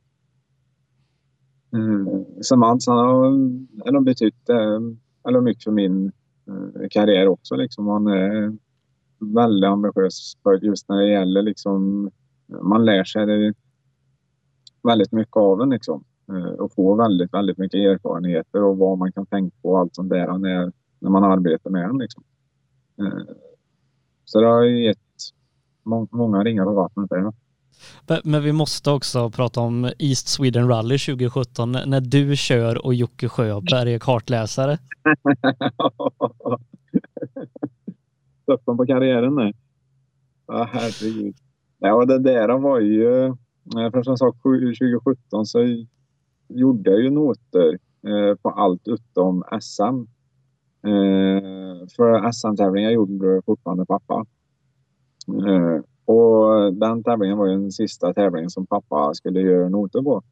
Eh, och jag sa det just när jag dels att jag är över det mesta sen till 2018 liksom kommer och eh, eller tar över helt efter. den. Så, så det ska vara så jäkla kul och, eh, och få köra den tävlingen på, på hans noter liksom, och se hur det är. Eh, och sen just det där att vara kortläsare och även ha kört just med det jobbet som jag har eh, idag så är det jäkligt viktigt att ha liksom, eh, båda delarna. Både hur en chaufför ser på noter och en, eh, hur en kartläser uppfattar noter liksom, och hur han läser dem. Eh, så jag sa, fasen ska jag hyra en bil till, till den tävlingen och köra. Eh, och som vanligt med mig så börjar det ju liksom, ja vad fan en R5-bil skulle vara jävligt fränt att ha liksom, köra första tävlingen med. Jag började på att kolla det. Vad fan, det var ganska dyrt att köra SM i en R5-bil just en tävling. Eh, bara för att kolla noter i stort sett. Eh, så jag slutade med att vara ner med lite eh, produkter och grejer till en kompis som bor i Torsby. Då står det en sån Suzuki Cup-bil där jag frågar om, om, eller om det finns möjligheter att hyra. Han säger ja, ja, det är bara att ta den. Kör du jämt vad mycket du orkar. Så ja, fasen, ja. Och sen så kartläsare och grejer fick vi tag på Jocke då. En, he en helt okej kartläsare. Ja, helt okej okay, ja. Ja nej, vi har så mycket roliga saker. Jocke och Jocke har gjort så mycket kul. Eh, men han blir med i alla fall där. Eh, och liksom planen för mig, resultat och sånt, är liksom i stort sett skiter jag i. Eh, men jag sa, är jag inom vad det, fem eller åtta sekunder bak eh, var det Elias som var väl någon av de massors i Ja, precis. Eh, då ska jag vara hur nöjd som helst. Eh, och jag tror det var någon sträck som jag var väl en 4-5 sekunder bak per kilometer när jag pratar vi. Eh, och jag var ju hur nöjd som helst. Så det, då tyckte jag ja, men det är ju perfekt. Jag har aldrig varit så rädd att köra en bil. Det är ingen servostyrning och han drar åt alla möjliga håll. Eh, ja, men en sån tuff bil och just för det priset man får köra rallybil för så är det helt oslagbart. Och det, det blev väl ganska bra i en kar också. Ja, det är på checken på köpet det. Ja, herregud. Ja, jag sa det till Jocke då när vi gick igenom. Jag sa att vi måste spela in och se liksom just med nota och se hur det ser ut och så man kunde göra det ordentligt. Och när vi kom tillbaka till hotellet sen efter tävlingen. Jag hade ingen tanke på att jag satt och pratade i bilen. Det, det är liksom bara helt svart. Jag, i, mitt, I min hjärna var det liksom ja, men du satt och fokuserade som fasen och prövade att häva en sladd eller koll på en slapp inrutedörk ungefär.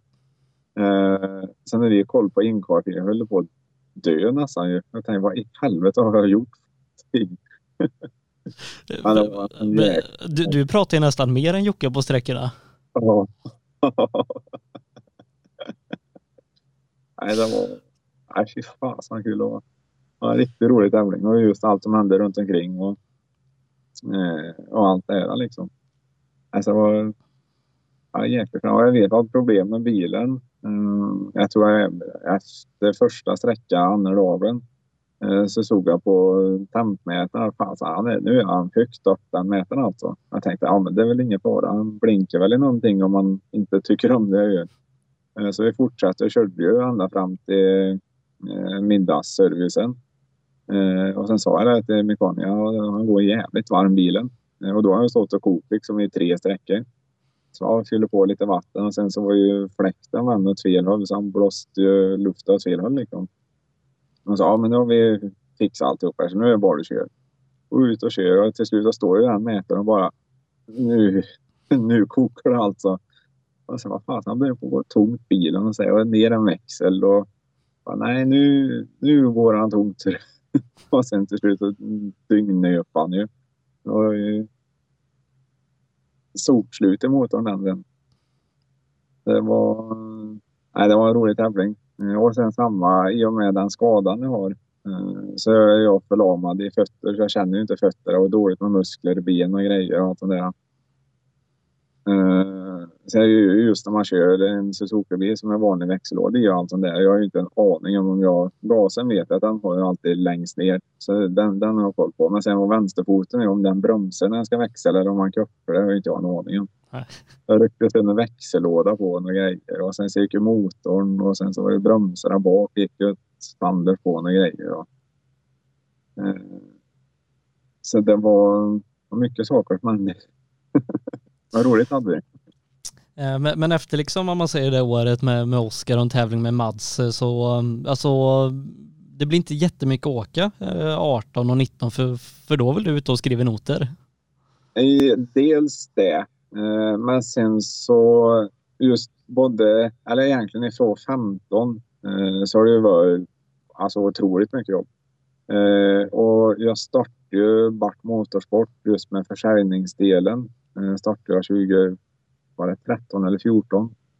Eh, Och det är ju liksom ett företag i sig. Eh, Och sen så åka, säg som 16 år på det EM, VM, eh, liksom vara borta hur mycket som helst samtidigt som jag är ute med pappa och lär sig arrangörsnoter, hur det funkar, hur det ska vara liksom. Eh, samtidigt som jag driver en webbshop med försäljning hemma. Eh, och även en kursverksamhet och utbildning och allt sånt där. Liksom, jag jobb, 24 timmar om dygnet var, var en bra dag. Eh, sen samma 2017, där utökar vi ju eh, försäljningsdelen. Eh, samtidigt som jag skriver, jag kollat förut, 23 tävlingar gör jag noter på 2017. Eh, och sen så åker liksom brittiska mästerskapen och med på eh, eller VM, åker EM, ut på tester och utbildning och allt sånt där. Eh, det blir ofantligt, ofantligt mycket jobb. Eh, så jag vet när vi var på väg hem ifrån sista tävlingen i England, jag och Oskar. Eh, då vet jag innan den tävlingen som jag hade gjort. Eh, jag, gjorde, jag gjorde en tre, fyra tävlingar veckan innan och veckan innan det som vi åkte till England.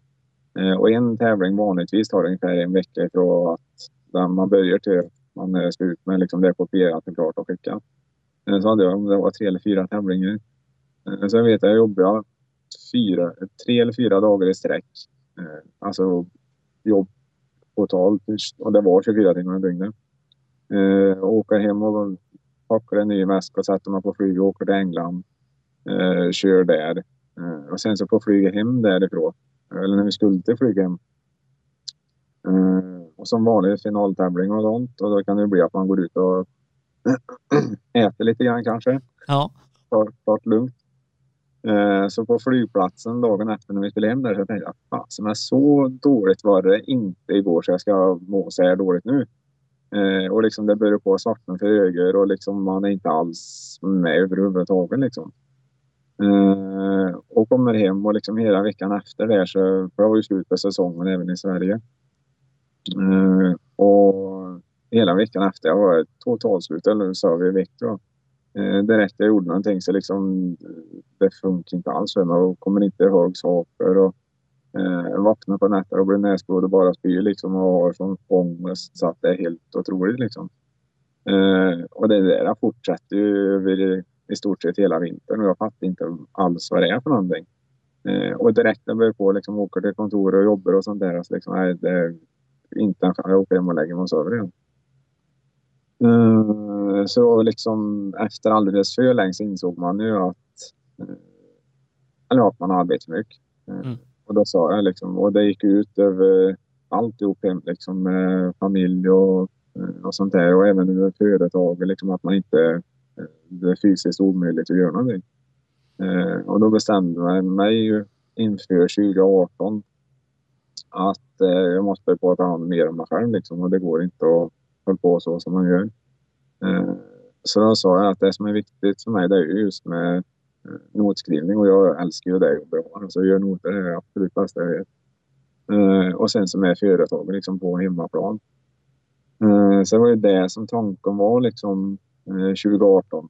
Eh, Men då började Oskar med att fasen, jag ska inte åka en tävling. Ja, Eller är det? Jag har för mig att det var Kyrkväll, Brynäsens Fiesta där. Eh, och kör där och rullar ju den. Eh, så blev det inget mer där. Eh, och sen var okej, men nu, ska jag inte åka mer i år. Och sen så ringer Johan Kristoffersson. Du, ska du åka svenska med mig? Ah, det kan jag ju inte säga nej till. Det är tvungen att göra.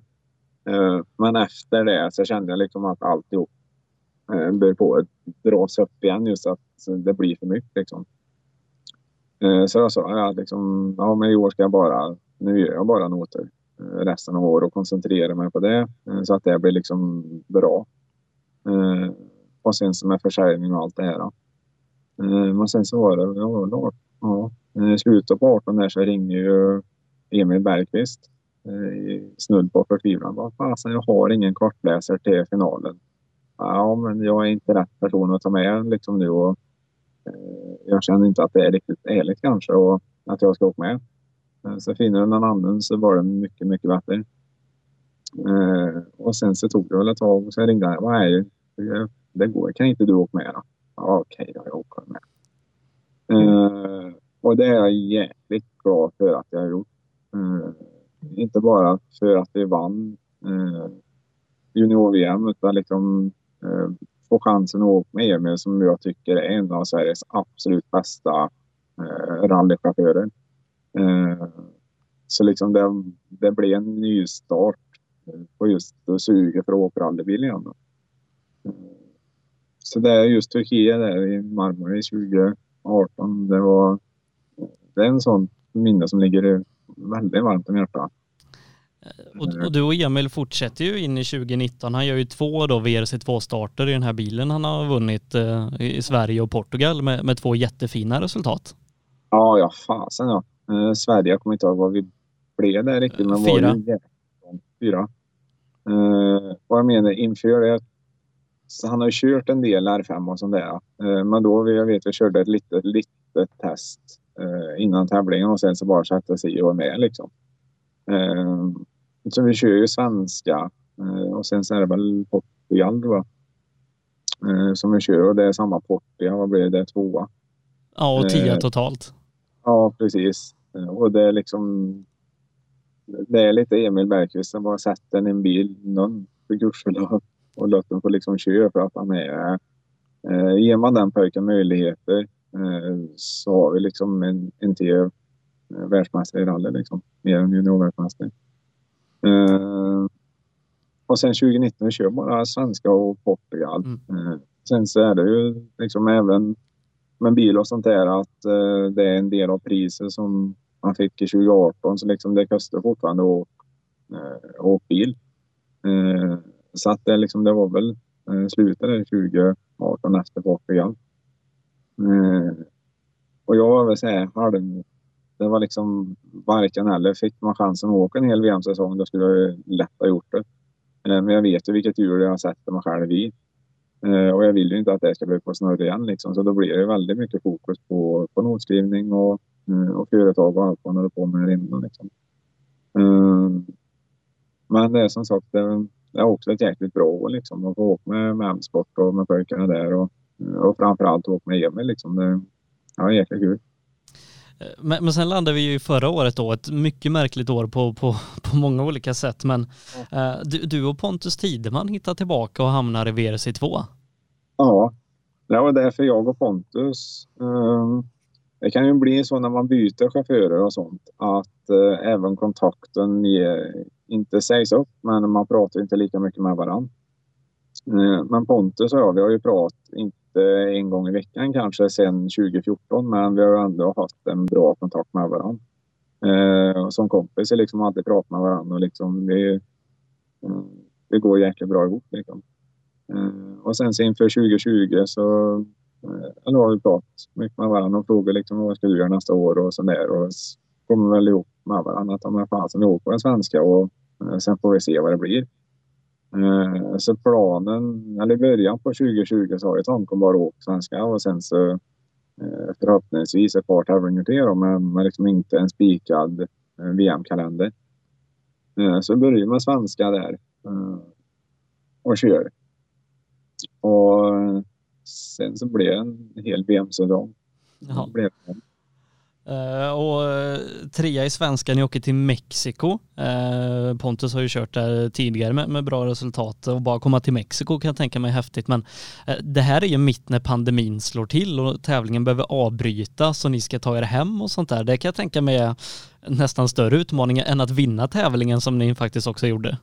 Ja, ja det var ju just med Mexiko, den planen eh, började ju redan i, eh, i Svenska rallyt. Eh, för jag hade ju inte riktigt koll på det teamet vi körde för då. Eh, mer än att eh, Henning har kört lite grann där och, eh, och lite sånt där. Då. men jag träffade teamchefen när vi, eller innan testerna inför Svenska rallyt. Jag träffade han i Torsby och så pratade vi lite grann. Och så frågade han om du åker med hela året Patrik eller? Ja, det är väl planen om inget annat händer. Ja, men för du vet att vi har ju en bil som är på väg till Mexiko nu. Vad Mexiko? herregud, ska jag ända dit och åka kring?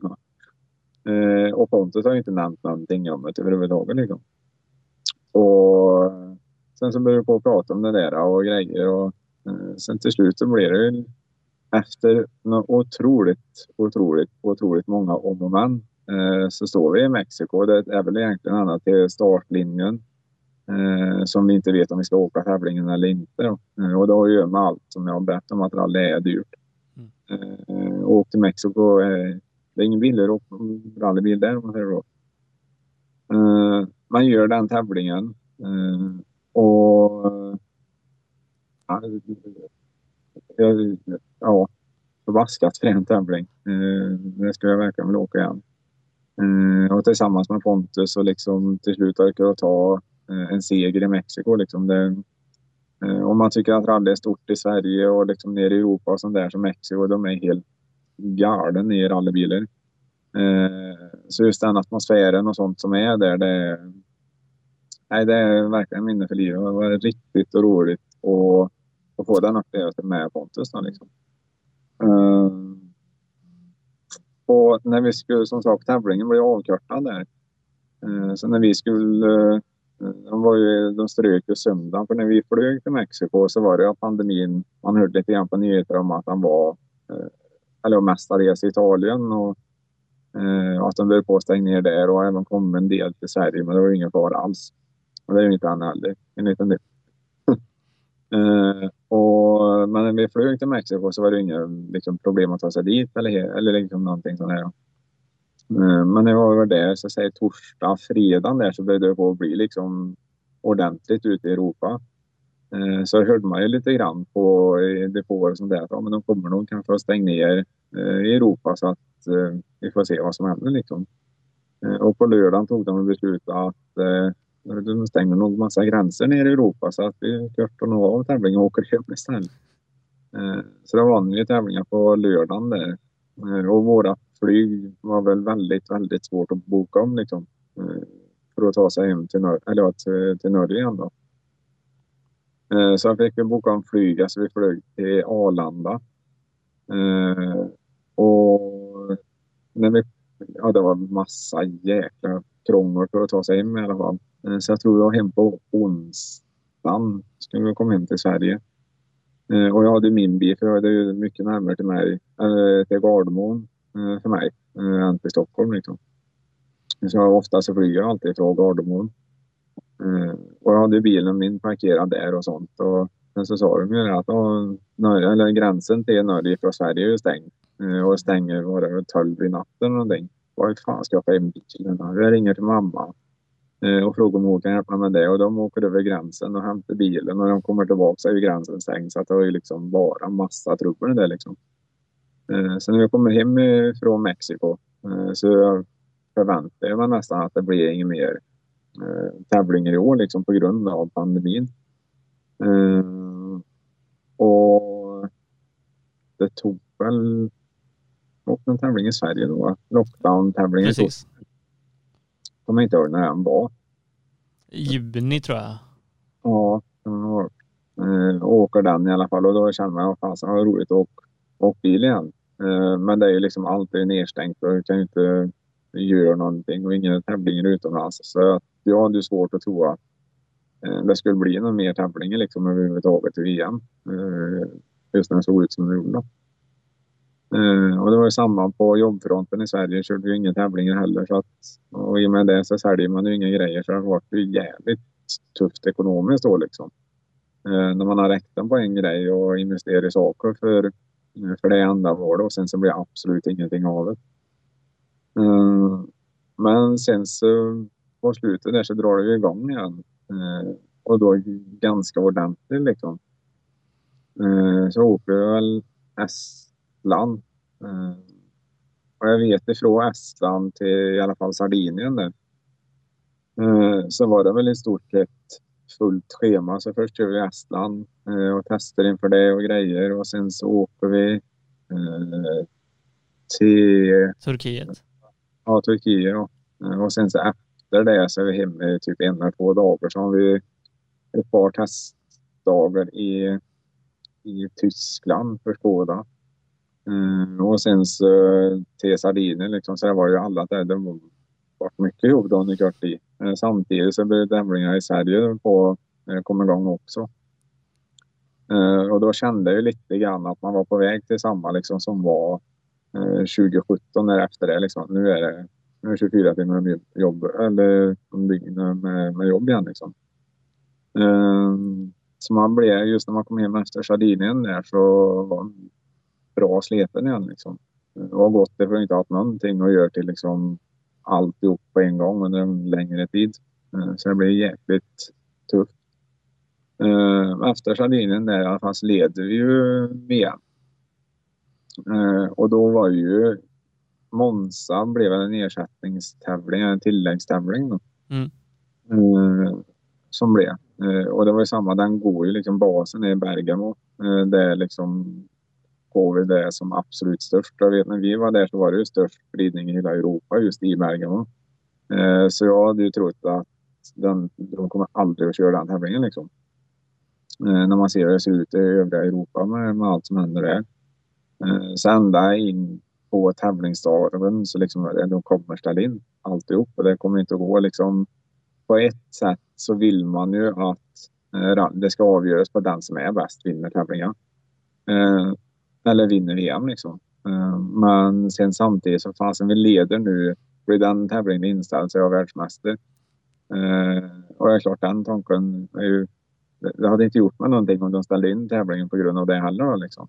Eh, även om liksom året har sett ut som det har gjort och allt sånt där så har vi ändå gjort verkligen det vi kan. Men så slutar det med att de kör den tävlingen. Eh, och det går väl, det var en jäkla speciell tävling liksom. Eh, just med att det är väldigt mycket snö och eh, eller snö blandat med det dämp och det är asfalt och det är jävligt mycket grus. Eh, och in på Monza-banan och allt sånt där. Eh, så är det en väldigt, väldigt speciell tävling. Eh, och vi var ju med, eh, för det var ju mellan oss och Vals det var Östberg som det stod emellan liksom och den som kommer först i mål den vinner VM. Eh, och det var väl mycket med vi tog lite fel däck och sånt och som gjorde att VM-guldet förlorades med 25, eller 6, 25,4, 25,6 sekunder. Eh, så det är det som gör om man vinner eller inte. Och det, det gör ont i själen att tänka på än idag. Att man har arbetat i ja, nio år eh, för att nått det där att man är världens bästa liksom. Eh, och arbetat i nio år med det och i slutändan skiljer det 25,6 sekunder. Absolut tyngsta dagen i hela mitt liv och jag har varit med om jäkligt mycket saker men det är fan bra pris alltså. Eh, så då, även om man blir tvåa liksom totalt i VM så och det är bara det och tillsammans med Pontus och liksom det året som vi har haft. Eh, Men det än idag kan inte jag smälta överhuvudtaget utan det, det kommer nog gräma mig till den dagen ligger en bit under bakom tror jag. Ja, nej men det är det. Tvåa, första förloraren eller vad det man säger. Ja, gud ja. Nej, det var inget roligt alls faktiskt. Eh, Just resultatmässigt som man säger. Men just alla upplevelser och sånt jag fick under 2020, liksom under pandemiåret. Det, liksom har rest runt hela världen under ett år där allt har stått still. Liksom man har gjort Eh, mer än vad man kunde ha drömt om. Liksom. Så, eh, just för den sakens skull så över 2020 var toppenår. Liksom. Eh, om man bortser från alla missöden med pandemin och liksom alla tragiska saker som händer i och med det. Eh, så för mig personligen så 2020 är ju ett jäkligt fint år. att se tillbaka. på. Eh, men, nu sitter vi här då slutet 2021 och eh, ja, är, är du fortfarande kartläsare på VM-nivå eller är du professionell notskrivare? Vad, vad, vad ligger vi i då?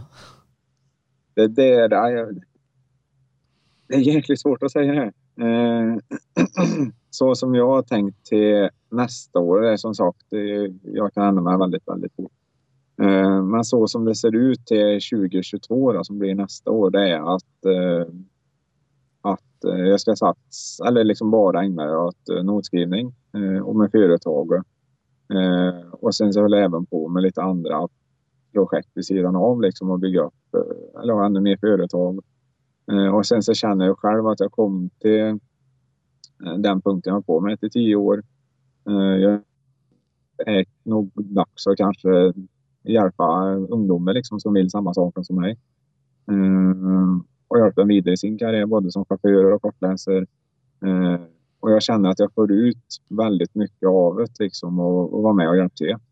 Eh, så jag har eh, ett par kortläsare som är med och liksom stöttar en del och eh, försöker bana väg för liksom att de ska få eh, bra karriär eh, och liksom rätta nycklar för att ta ett, ett kliv vidare. Eh, samma med chaufförer.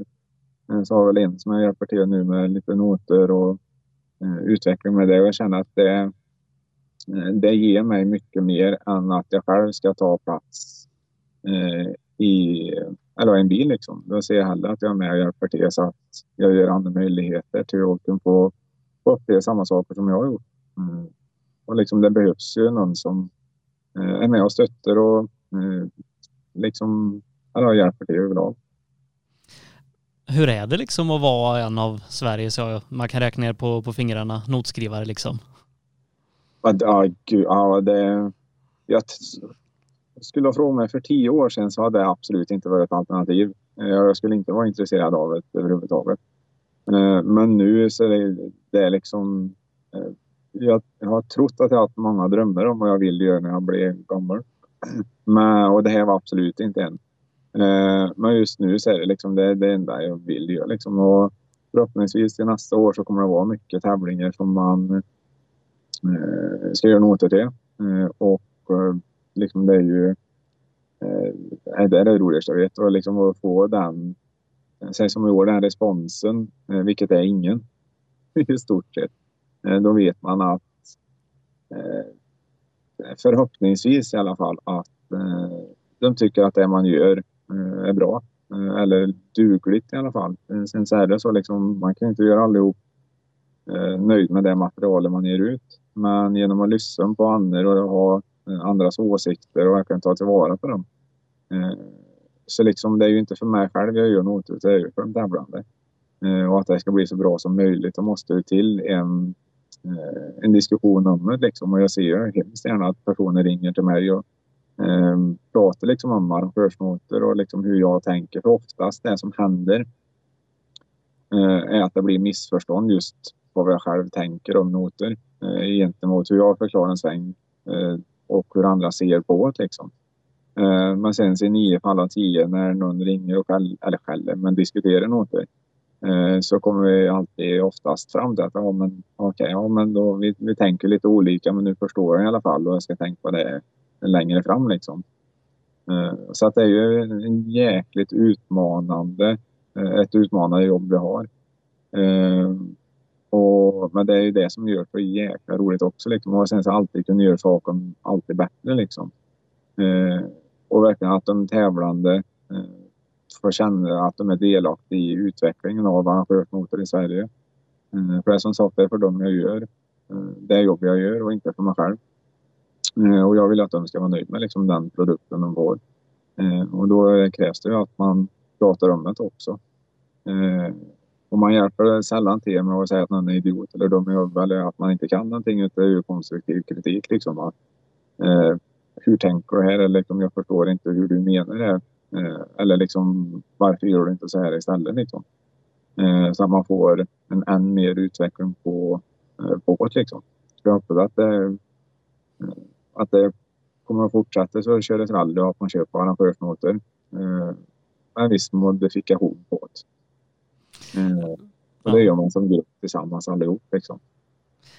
Men det måste ändå vara kul att vara inblandad i sporten på, på, liksom, på det viset. Jag är inblandad på det här sättet och du, och du på ja. ditt vis. Det, det, finns många sätt man kan utöva den här sporten på. Ja, men herregud ja. Ja, det gör det verkligen. Eh, och på det sättet som jag är inblandad mestadels i nu just med eh, notskrivning och sånt. Det, det, det som handen i handsken. Det, eh, liksom man för ju eh, rally-Sverige. Man, man liksom drar ju sitt strå till stocken liksom. Eh, och det är samma där genom min erfarenhet som man ändå har fått eh, och samlat på sig genom åren. Eh, och kunna utveckla arrangörsmotor eh, och det är inte gjort på en handvändning det. Eh, men liksom att göra dem lite bättre och lite bättre, det är ju även Eh, både nybörjare och andra liksom en, en större, större liksom spade att gräva med när de ska fram i sin karriär också. Liksom, om de får till bra noter och en bra grund att stå på. Eh, så känner man ju att man är med och hjälper dem eh, med det man kan liksom. Eh, alltså det, är, det är jäkligt kul. Och liksom, samma sig som notskrivningar, försnoter och sen samma sig med Gravel Crew till exempel när jag åker med Eh, eller ut på VM-tävlingar. Eh, man tar ju alla godbitar av det som är roligt i sporten. Eh, och sen så samma liksom ha koll på att tiderna är exakt, exakt och liksom ingenting får verkligen gå fel just när man räknar på tider eller kör roddboken eller liksom oavsett vad det är. Eh, de sakerna försvinner ju med notskriven. Notskriven notar försöker ju skriva så absolut exakt det går eh, och lägger ner sig ofantligt på det. Eh, och liksom samma med rodböcker och tidsschema. Men liksom mycket av eh, stressen och pressen, just tävlingsmomentet, eh, är ju borta i eh, Så man kan ju göra det i sin takt liksom. Eh, och vill jag åka en sträcka sex gånger för att få exakta noter så åker jag en sträcka sex gånger. Ehm, så att det liksom man har tagit alla godbitar och knutit ihop en säck och, och gjort det mesta av det. Liksom. Så det, det är riktigt skoj faktiskt att hålla på med det man gör och jag känner mig liksom att få den chansen att göra det. Eller möjligheten att göra det. Liksom jag gör ju vad som helst. Men återigen, man ska ge sig själv möjligheter att göra det. Eh, och sätta upp mål för det man vill. Liksom. Så eh, i sinom tid så kommer man dit. Eh, är pappa nöjd med dina noter? Ja, han säger inte så mycket. Nej, och det kanske är bra det säg. Det är mest om det är något fel eller något sånt där. Alltså, nu, nu har du gjort fel här. Nu har du gjort fel här. Då får man höra det definitivt.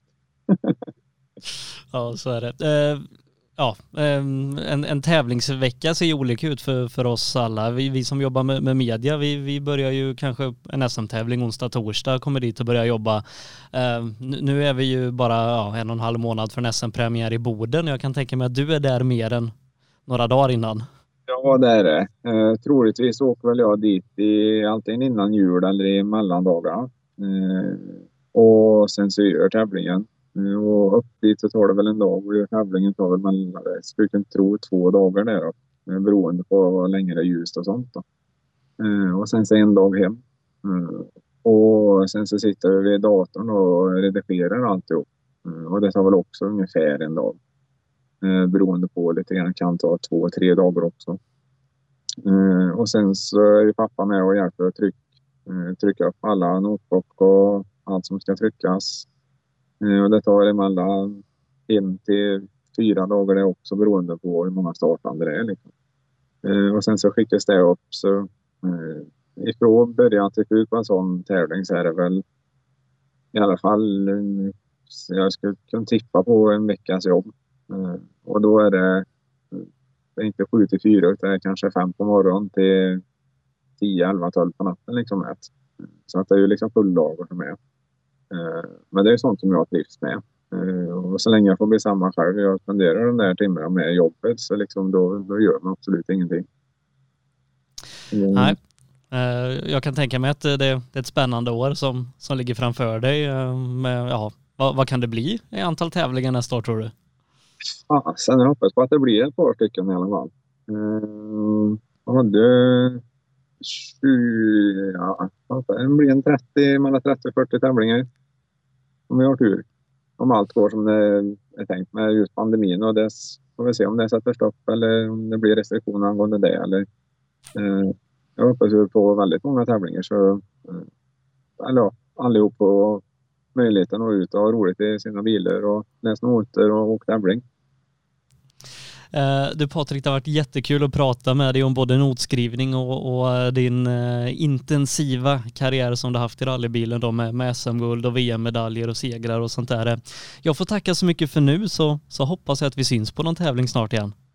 Absolut, tack detsamma. Det var jättekul att få vara med. Det var det.